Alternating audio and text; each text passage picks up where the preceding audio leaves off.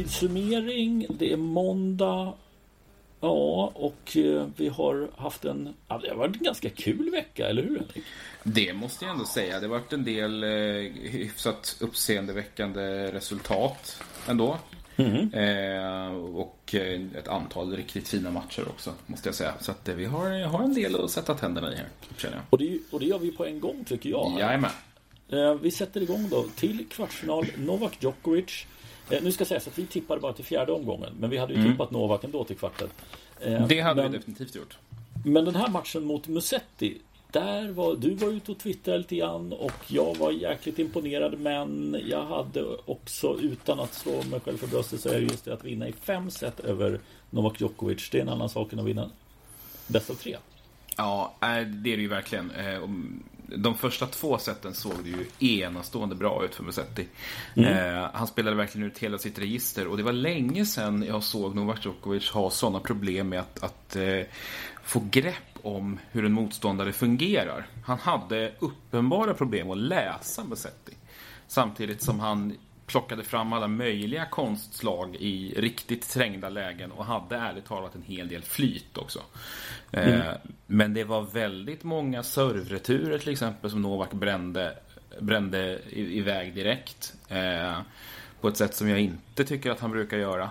Så att eh, han var uppenbart störd. Men sen så sen kroknade ju Mosetti i tredje. Får vi ju vara ärliga och säga. Ja, för det, det, var, det var ju, sen var det ju utklassning. Vad släppte han? Fyra bollar i fjärde set. Ja, jag tror det var något sånt. Och det är helt otroligt på sex gem att bara släppa ifrån sig fyra bollar. Musetti ska sägas när han ger upp. Han var ingenting om att han var skadad utan det var kramp. Han orkade inte helt enkelt. Nej, precis. Eh, han, han, var helt slutkörd. Han, han lämnade ju liksom ingenting kvar på banan under de två första seten och sen så blev han ju gradvis bara allt mer tilltryckt och i takt med att siffrorna skenar iväg så tryter ju orken också. Det är väl naturligt. Eh, jag tycker det var kul att se vad han är kapabel till att göra. Det är ju en oerhört sevärd och bollskicklig tennisspelare som ju vi kommer att få se väldigt, väldigt mycket av framöver i alla fall. Ja, det kommer vi göra. Det, det är många år kvar. Noterbart är ju faktiskt att det här var Djokovic har bara vänt 0-2 underläge i, på Roland Garros en gång tidigare och det var också mot en italienare. För nio år sedan gjorde han samma sak mot Seppi. Mm. Då var inte siffrorna lika eh, utklassad, utklassande de eh, sista tre seten, men ändå. Eh, kuriosa där, Novak fram tills den här matchen har ju känts som att det har varit lite gäspning faktiskt. Han har ju inte satt på några prov alls. Eh, Musetti blev ju verkligen eh, det, det, första riktiga. Om vi ska vara ärliga med att säga att det har inte varit någon vidare knepig lottning heller. Han har ju turordning kört över Tennis Sandgren, Pablo Cuevas och eh, Rickard Berankis. Så att eh, det är... Eh, nej, det har inte varit några, några, någon vidare tuff lottning för honom fram till åttondelen. Nej, men nu kan det nog bli tufft igen för han får Matteo Berrettini i kvartsfinalen. En Berrettini som inte behövde spela sin fjärde runda eftersom Federer eh, vek in årorna och det diskuterades lite grann om det var rätt eller inte av Federer att göra på det där sättet. Vad, vad är din take på det? Federer har ju, har ju och kommer ju alltid ha en särställning här. Så vad han än gör så finns det ju alltid ursäkter för det. Eh, men det, det, är klart att det, det, det blir en bekväm resa för Berrettini. Eh, men det, känns ju lite snopet samtidigt när han verkligen har jagat livet ur sig mot, mot Köpfer. Och verkligen slitit sig till den här åttondelen. Vad var egentligen mm. syf, syftet med det då? Eh, om han tar ett rationellt beslut att men det är bäst för mig och, och ta det lugnt nu liksom. Jag undrar om det var så att han, han kände av det och han gjorde det i, i slutet av matchen. Men han visste inte hur känslan skulle vara dagen efter. Alltså det var därför som han tidigt var på att det kanske inte blir någon fortsättning på det här. Känner att nej, men det går inte ner så pass mycket som jag vill. Att det, att det liksom är så pass bra. Och därmed så väljer han att nej, men eftersom Wimbledon är det som jag har mest fokus på jag kommer inte att ta, ta, jag tar max en match till tror jag faktiskt också finns med i beräkningen. Sen är det frågan om man hade räknat med att gå så här långt också, för det lät nästan lite på honom som man var överraskad över att han tog sig till en fjärde runda. Ja, men jag tror det. Och, och det är inte helt orimligt att han är, är överraskad. För att, eh, det, var väl, det här var väl liksom den bortre gränsen för, eh, som, som vi båda hade. Jag trodde till och med att han skulle kunna ryka mot en Taylor Fritz i tredje rundan. Ja, nu, nåd, nu, nu nådde ju inte ens Fritz dit. Så att det, blev, det blev ju ingen issue. Men, men eh, eh, bortsett från det här då, lite trista avslutet, så tycker jag att, att han har varit bättre än väntat. Eh, ja. I den här turneringen och nått längre än vad vi hade trott. Ja, eh, och när vi är ändå inne på det här så kan vi väl ta en liten snabb där med de här kvällsmatcherna. Eh, utegångsförbud från nio, de tömmer arenan halv nio. Men då undrar man rätt mycket, vad i helvete har de gjort det här för? Jag kan bara se en anledning till varför man har placerat vissa matcher som känns som att de inte ska spelas utan publik. Och det är för att de har någon tv-grej. Ja, det måste vara ett tv-avtal som, som, eh, som, som, spelar in där. Eh, jag, jag tycker att de här i regel så har de här kvällsmatcherna varit ruggigt avslagna. Eh, och det har inneburit, det har varit direkt ovärdigt mot vissa spelare. Att eh, eh, till exempel en, en sån som Richard Gasquet kanske spelar sin mm. sista Franska öppna turnering. Mm. Eh, sista kvarvarande hemmahoppet, den kanske bäste franske spelaren de sista 15 åren. Eh, att han ska behöva säga tack och farväl inför tomma läktare när det inte hade behövt vara så. Eh, mm. det, det, tycker jag känns bedrövligt. Eh, och så hade vi ju en, en person på damsidan som kanske fick ett ännu ovärdigare avsked. Ja, ja men det, och det, det, är ju liksom Carla Suarez Navarro som, som uh, gjorde sin sista turnering. Hur man kan schemalägga den sist. Och jag tror nästan, undrar om det var dagen före, för sen gjorde ju Songa gjorde de samma sak med också. Mm. Uh, nu var inte de schemalagda klockan nio, men de var schemalagda som sista matcher på banorna. Och det är liksom, för mig är det hål i huvudet hur man kan göra det, för det är så jävla Ja, Suarez Navarro, det är ju inte en publikmagnet. Hon ska fan med hyllas för det, den kamp hon har tagit sig igenom och för vad hon har gjort. Och nej, det kändes enormt ovärdigt och väldigt taktlöst av organisationen. Ja, ja verkligen. Och det, och det här är ju liksom, vi har pratat om fransk schemaläggning i, i, i, många år och det här är, äh, det, det, det pikar här egentligen. Jag tycker det är jättetråkigt att, att man inte har mer känsla eh, än, än, så här egentligen. Eh, det, är, eh, det, det, är skittråkigt och det började väl egentligen säga, med lottningen. Att man, att man inte ens kunde göra den publik utan hade den bakom stängda dörrar så här mm. i pandemitider. Det är, eh, nej, jag tycker det är bedrövligt tråkigt och bedrövligt dåligt faktiskt. Ja, men de sitter också i en så stark sitt så de kan ju göra precis vad fan de vill känns det som. För det verkar inte vara någonting som biter på dem heller. För mig hade det varit den här nio matchen. Alltså skit i det i år. Ni får inte ha någon publik. Släpp det. Jag tror att spelarna klarar sig ändå. Mm. Måste, där måste tv-tiderna varit med, med, USA eller någonting sånt som gör varför de ska ha just den tiden. Och lottningen, hur i helskotta kan man inte ha den publik på något sätt? Det, det måste ju gå att lösa.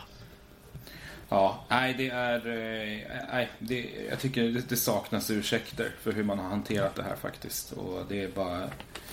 Gör om, gör rätt. Sopor.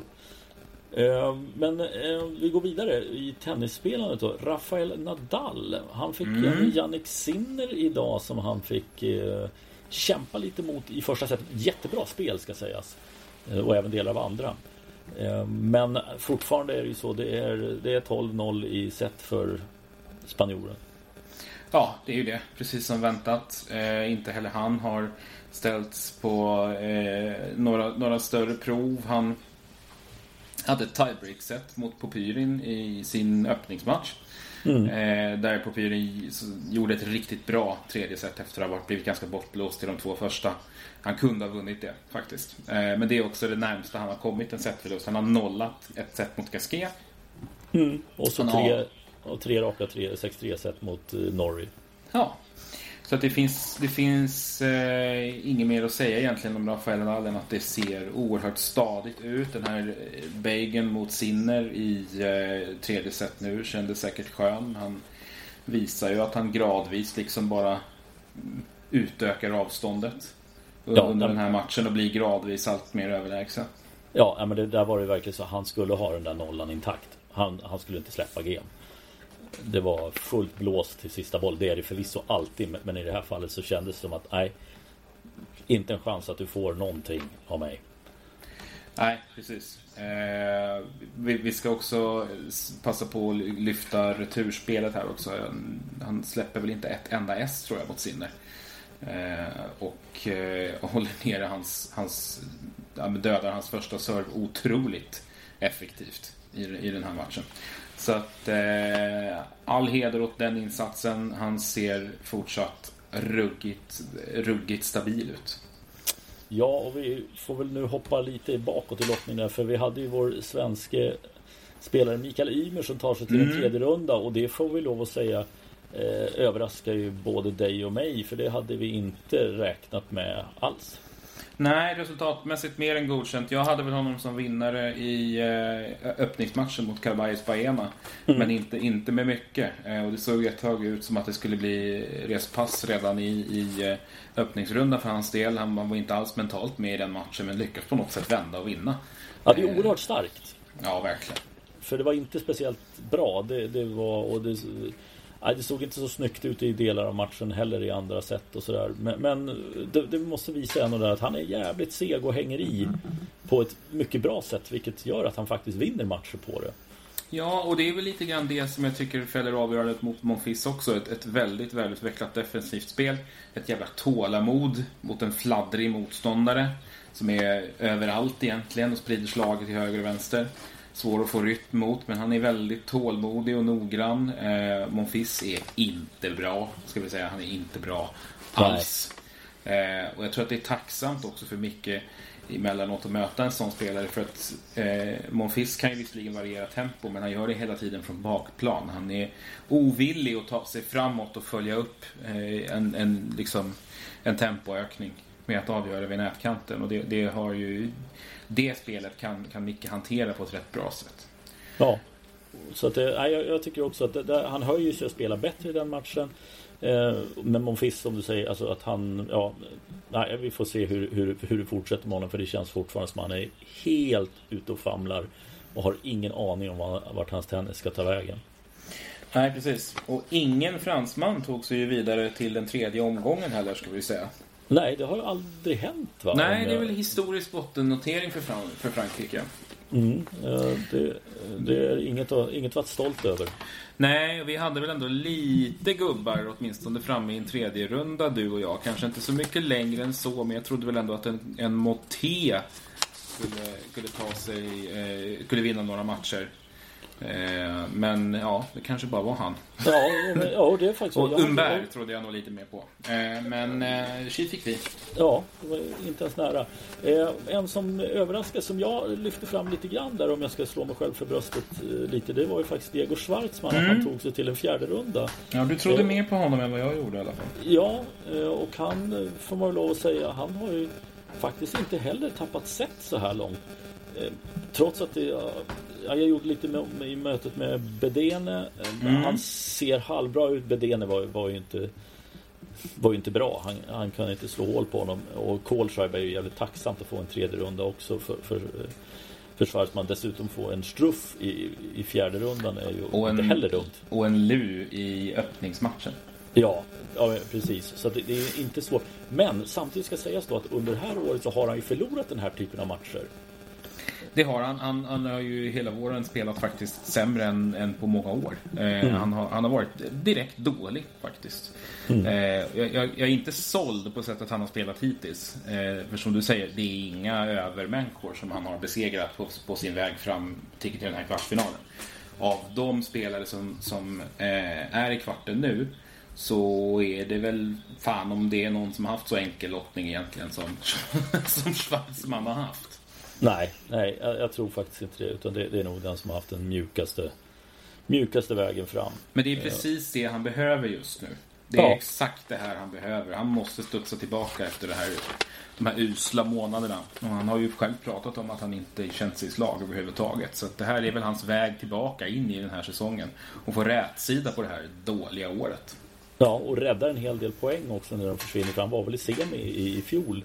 Om jag inte mm. missminner mig. Och nu är det en kvartsfinalplats så att eh, det, det kommer inte förlora så mycket poäng. Eh, Nej. Men det kommer vi till sen. Vi flyttar neråt då på den nedre delen på den lite mer Ja, vad ska man säga? Öppnare Lite tråkigare av... delen är det också. Ja, det kan man nog säga. Alexander Zverev till kvartsfinal och det är väl ingen jätteöverraskning för någon av oss. För vi hade väl honom och Nishikori var väl i stort ja. vi hade i fjärde rundan. Han släppte ju två set mot landsmannen kvalspelaren Oscar 80 i första rundan. Efter det, var, det däremot? Ja, eh, så var det. Nu vann han ju för sig set 3, 4, 5 med 6-2, 6-2, 6-0. Sen Safulin och eh, Laszlo Djere och så Nishikori som jag trodde ju att han i alla fall skulle kunna störa men satan vad ser det pulveriserade ja, so japaner. Soppatorsk där. Riktigt ordentligt. Nishikoris stora skalt kom ju i andra rundan där mot Kachanov. Ja, verkligen. Eh, där han kämpar sig ner otroligt bra. Sen behöver han bara spela ett set mot Laxonen.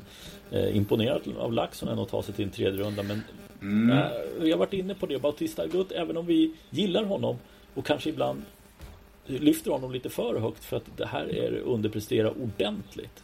Ja, det här är inte bra nog. Eh, Laxonen ska han ändå ta, även om grus i, inte är hans eh, primära underlag. Eh, så vi ju, har ju haft för vana att se honom åtminstone i en åttondel i nästan mm. alla större turneringar. Så att det har eh, det är hack i skivan för Bautista Gut, ganska ordentligt. Eh, mm. Återstår att se om det finns en väg tillbaka här nu på gräset. Där jag åtminstone tror att han, han ska ha, vara lite mer konkurrenskraftig än vad han har varit här nu på gruset. Definitivt. Eh, kvartsfinalmotståndare för Zverev, det blir inte team, det blir inte Kasper Rud, det blir Alejandro Davidovic Fokina. Ja, och jag tänker bara tillbaka på den här matchen mot Ymer i Båstad för ett par år sedan. Jag tyckte han såg otroligt beskedlig ut. Mm. Ehm, och tyckte han, han inte, inte alls var en man för, för liksom en topp top 50 position på rankingen. Och nu är han i kvartsfinal. Det går fort i tennis också tydligen. Ja, men det gör ju det. Och eh, jag gjorde faktiskt både, eh, inte hela, men halva matchen mot Rud och sen Delbonis-matchen. Och Rud Va, var ju, Vad såg du? Ja, men jag såg det var en härlig tillställning. Det var ganska spänt och nervöst. Eh, Rud var nervös. sen samtidigt så när han torskade första set Rud så helt plötsligt växlade han upp och fortsatte att hålla högt tempo där det kändes som att spanjoren inte orkade lite det här att du, det är en sån anspänning och så vinner du första set och slappnar av lite grann.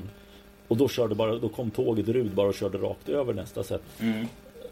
Men, nej, men sen så när han kämpar tillbaka och tar det tredje i tiebreak också. Det, det är svängigt och sen så blev det otroligt nervigt på slutet också där när underhandsserv och eh, ja, det såg skakigt ut för David Fokina i det läget. Men jag måste säga, jag blev jävligt impad av att det var en bra energi. Det är ett jävla driv i slagen från bakplan. Eh, och även en variation och inte alls oäven från nät heller. Söker sig fram vid ganska rätt tillfällen. Några tillfällen som kändes som att nej, men nu kliver du fram. Du har bestämt dig innan du ser var slaget hamnar. Men jag tycker att det, det, det känns som att ja, han flyttar upp. Kasperud ska vara besviken för att han förlorade den matchen. Men, nej, men har du vunnit den och sen följer upp det, då är det fan värdig att vara i kvartsfinal. Mm. Eh, Delbonis kändes aldrig riktigt... Han försökte lite grann, men, men eh, Davidovic var, var liksom lite bättre. Eh, det, halva matchen går ju åt till att vänta på att Delbonis ska slå till servarna när han kastar upp bollen. Ja, har han, har han Torens högsta uppkast numera? Ja, det kan inte finnas någon annan som är och matchar honom nu för tiden han får ju vara glad för den här framgången i alla fall. Det här är faktiskt hans bästa Grand Slam-turnering i karriären. 30 år eh, gammal. Ja, en åttondel. Hade en tredje runda i eh, Australien tidigare. Mm. Så att eh, det här får eh, det här får ju han ju vara ja, men minst sagt nöjd med. Det, det är en eh, fina, fina siffror så här på ålderns höst.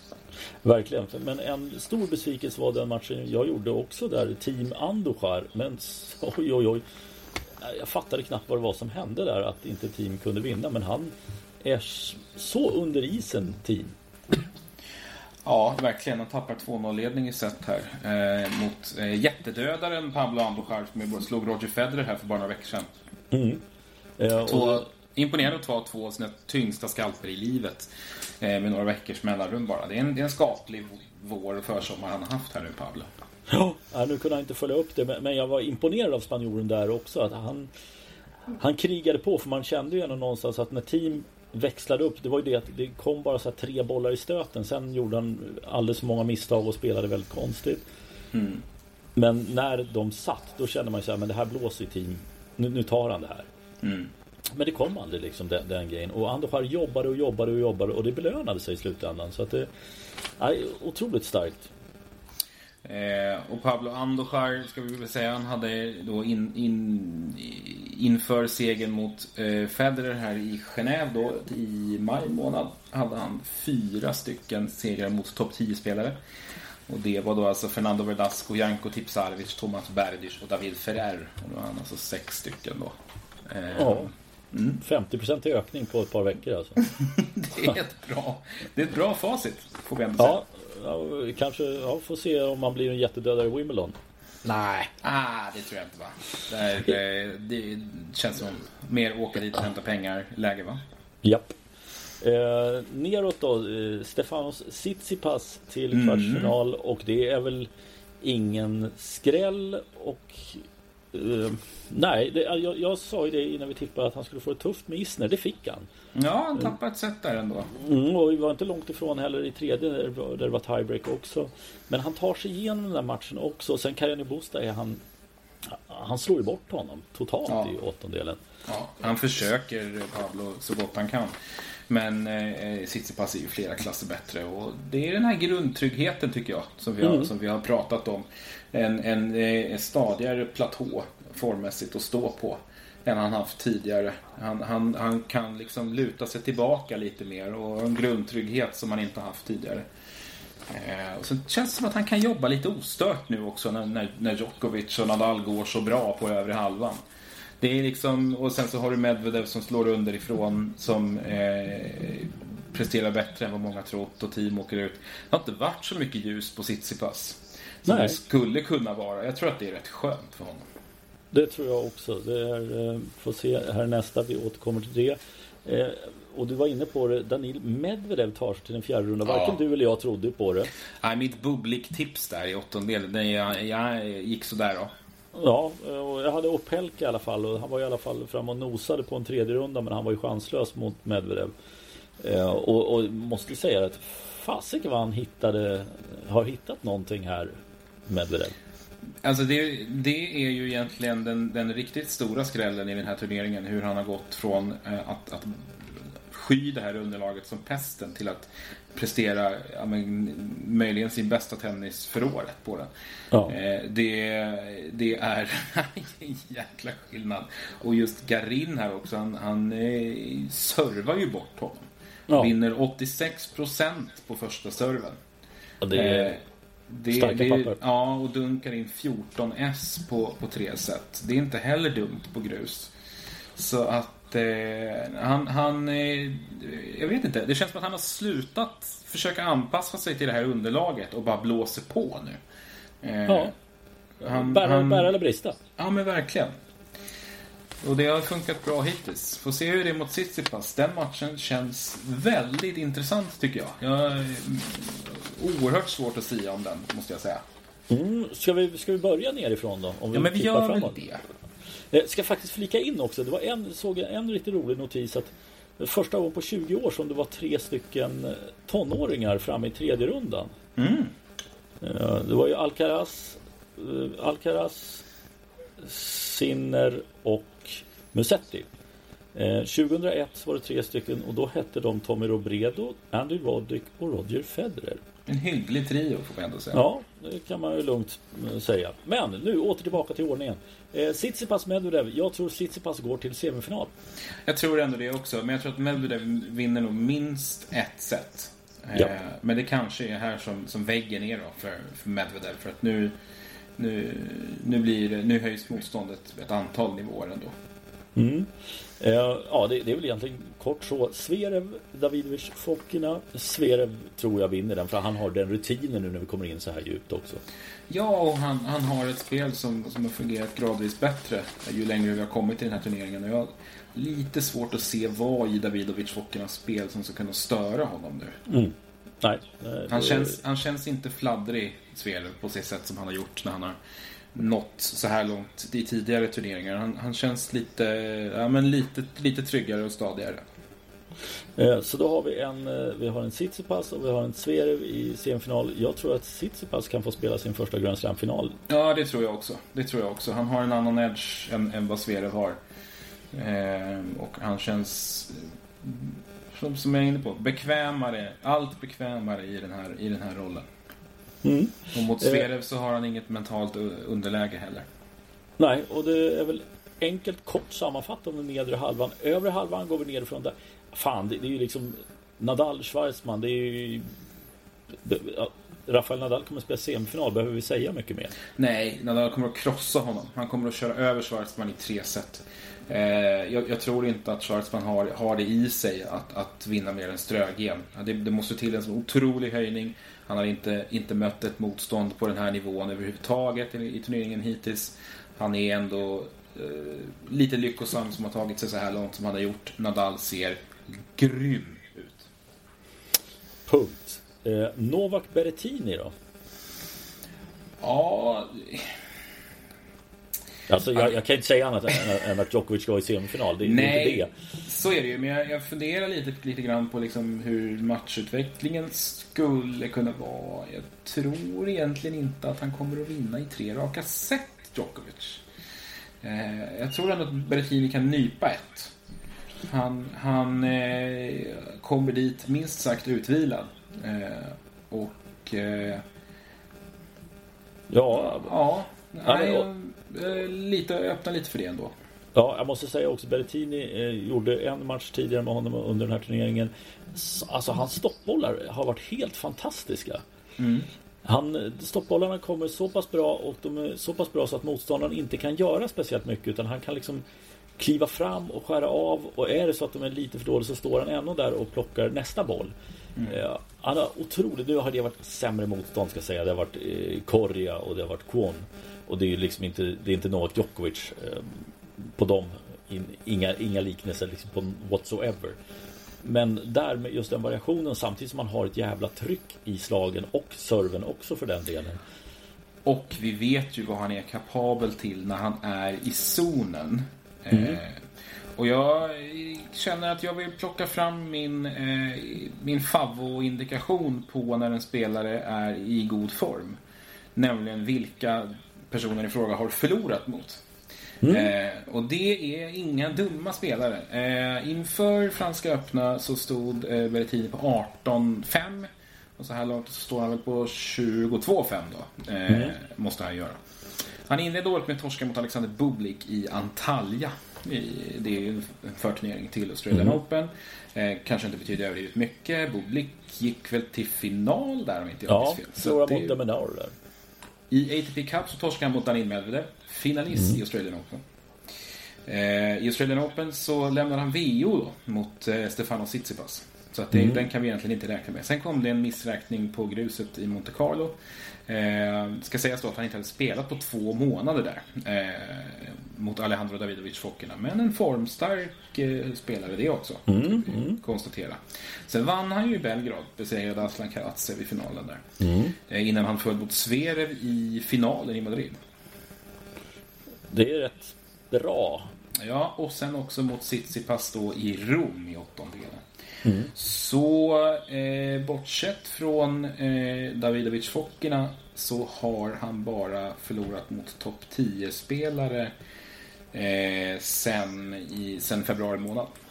Ja, det är faktiskt en, det är en bra poäng som du plockar upp där. Att de, de förlusterna, det är, inga, det är liksom inga skamliga förluster i dem där. Utan det är, det är på den nivån han är. Ja, det är, det är, ett, det är ett nivåkvitto. Helt klart. Mm. Och vi har pratat lite grann om, om honom i termer som överrankad här efter ett lite halvblekt fjolår. Mm. Men han har kommit tillbaka starkt utan att egentligen ha fått så mycket för det. Mm. Eh, så att eh, vi får se. Ja, ja men, det, men Djokovic fyra set, ett tiebreak-set blir det också. Ja, det kan det absolut bli. Det är jag helt med på. Eh, och Tsitsipas hade vi final. Djokovic-Nadal som egentligen är den eh, finalen som alla vill ha. Den moraliska finalen. Precis. Eh, alltså, på hans tidigare så måste jag säga Nadal. Jag också. Eh, han har ändå den här segern mot eh, Djokovic i eh, Rom, Madrid. I Rom. Mm. Precis. Eh, så han har ändå det mentala övertaget. Jag tycker att han har hållit en lite högre nivå än vad Novak har gjort hittills i turneringen. Han ser sådär härligt oberörd och i zonen ut. Så att eh, han, han är favorit i det mötet, absolut. Och då vinner han finalen också då? Ja, det gör han. Det För fan vad vi sticker ut hakan nu. Verkligen. Vågad mm. tippning återigen från det här gänget. Ja, ja, hela, hela redaktionen samstämmigt. Verkligen.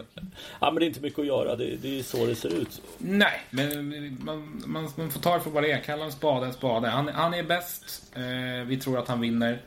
Punkt. Ja. Mm. Är det där vi sätter punkt också? Ja, men det är väl nästan så. Så får vi se ja. hur rätt vi hade här om en vecka. Ja, antingen blir det dumstruten på eller så blir det äras den som äras bör. Och hur den blir så är vi tillbaka.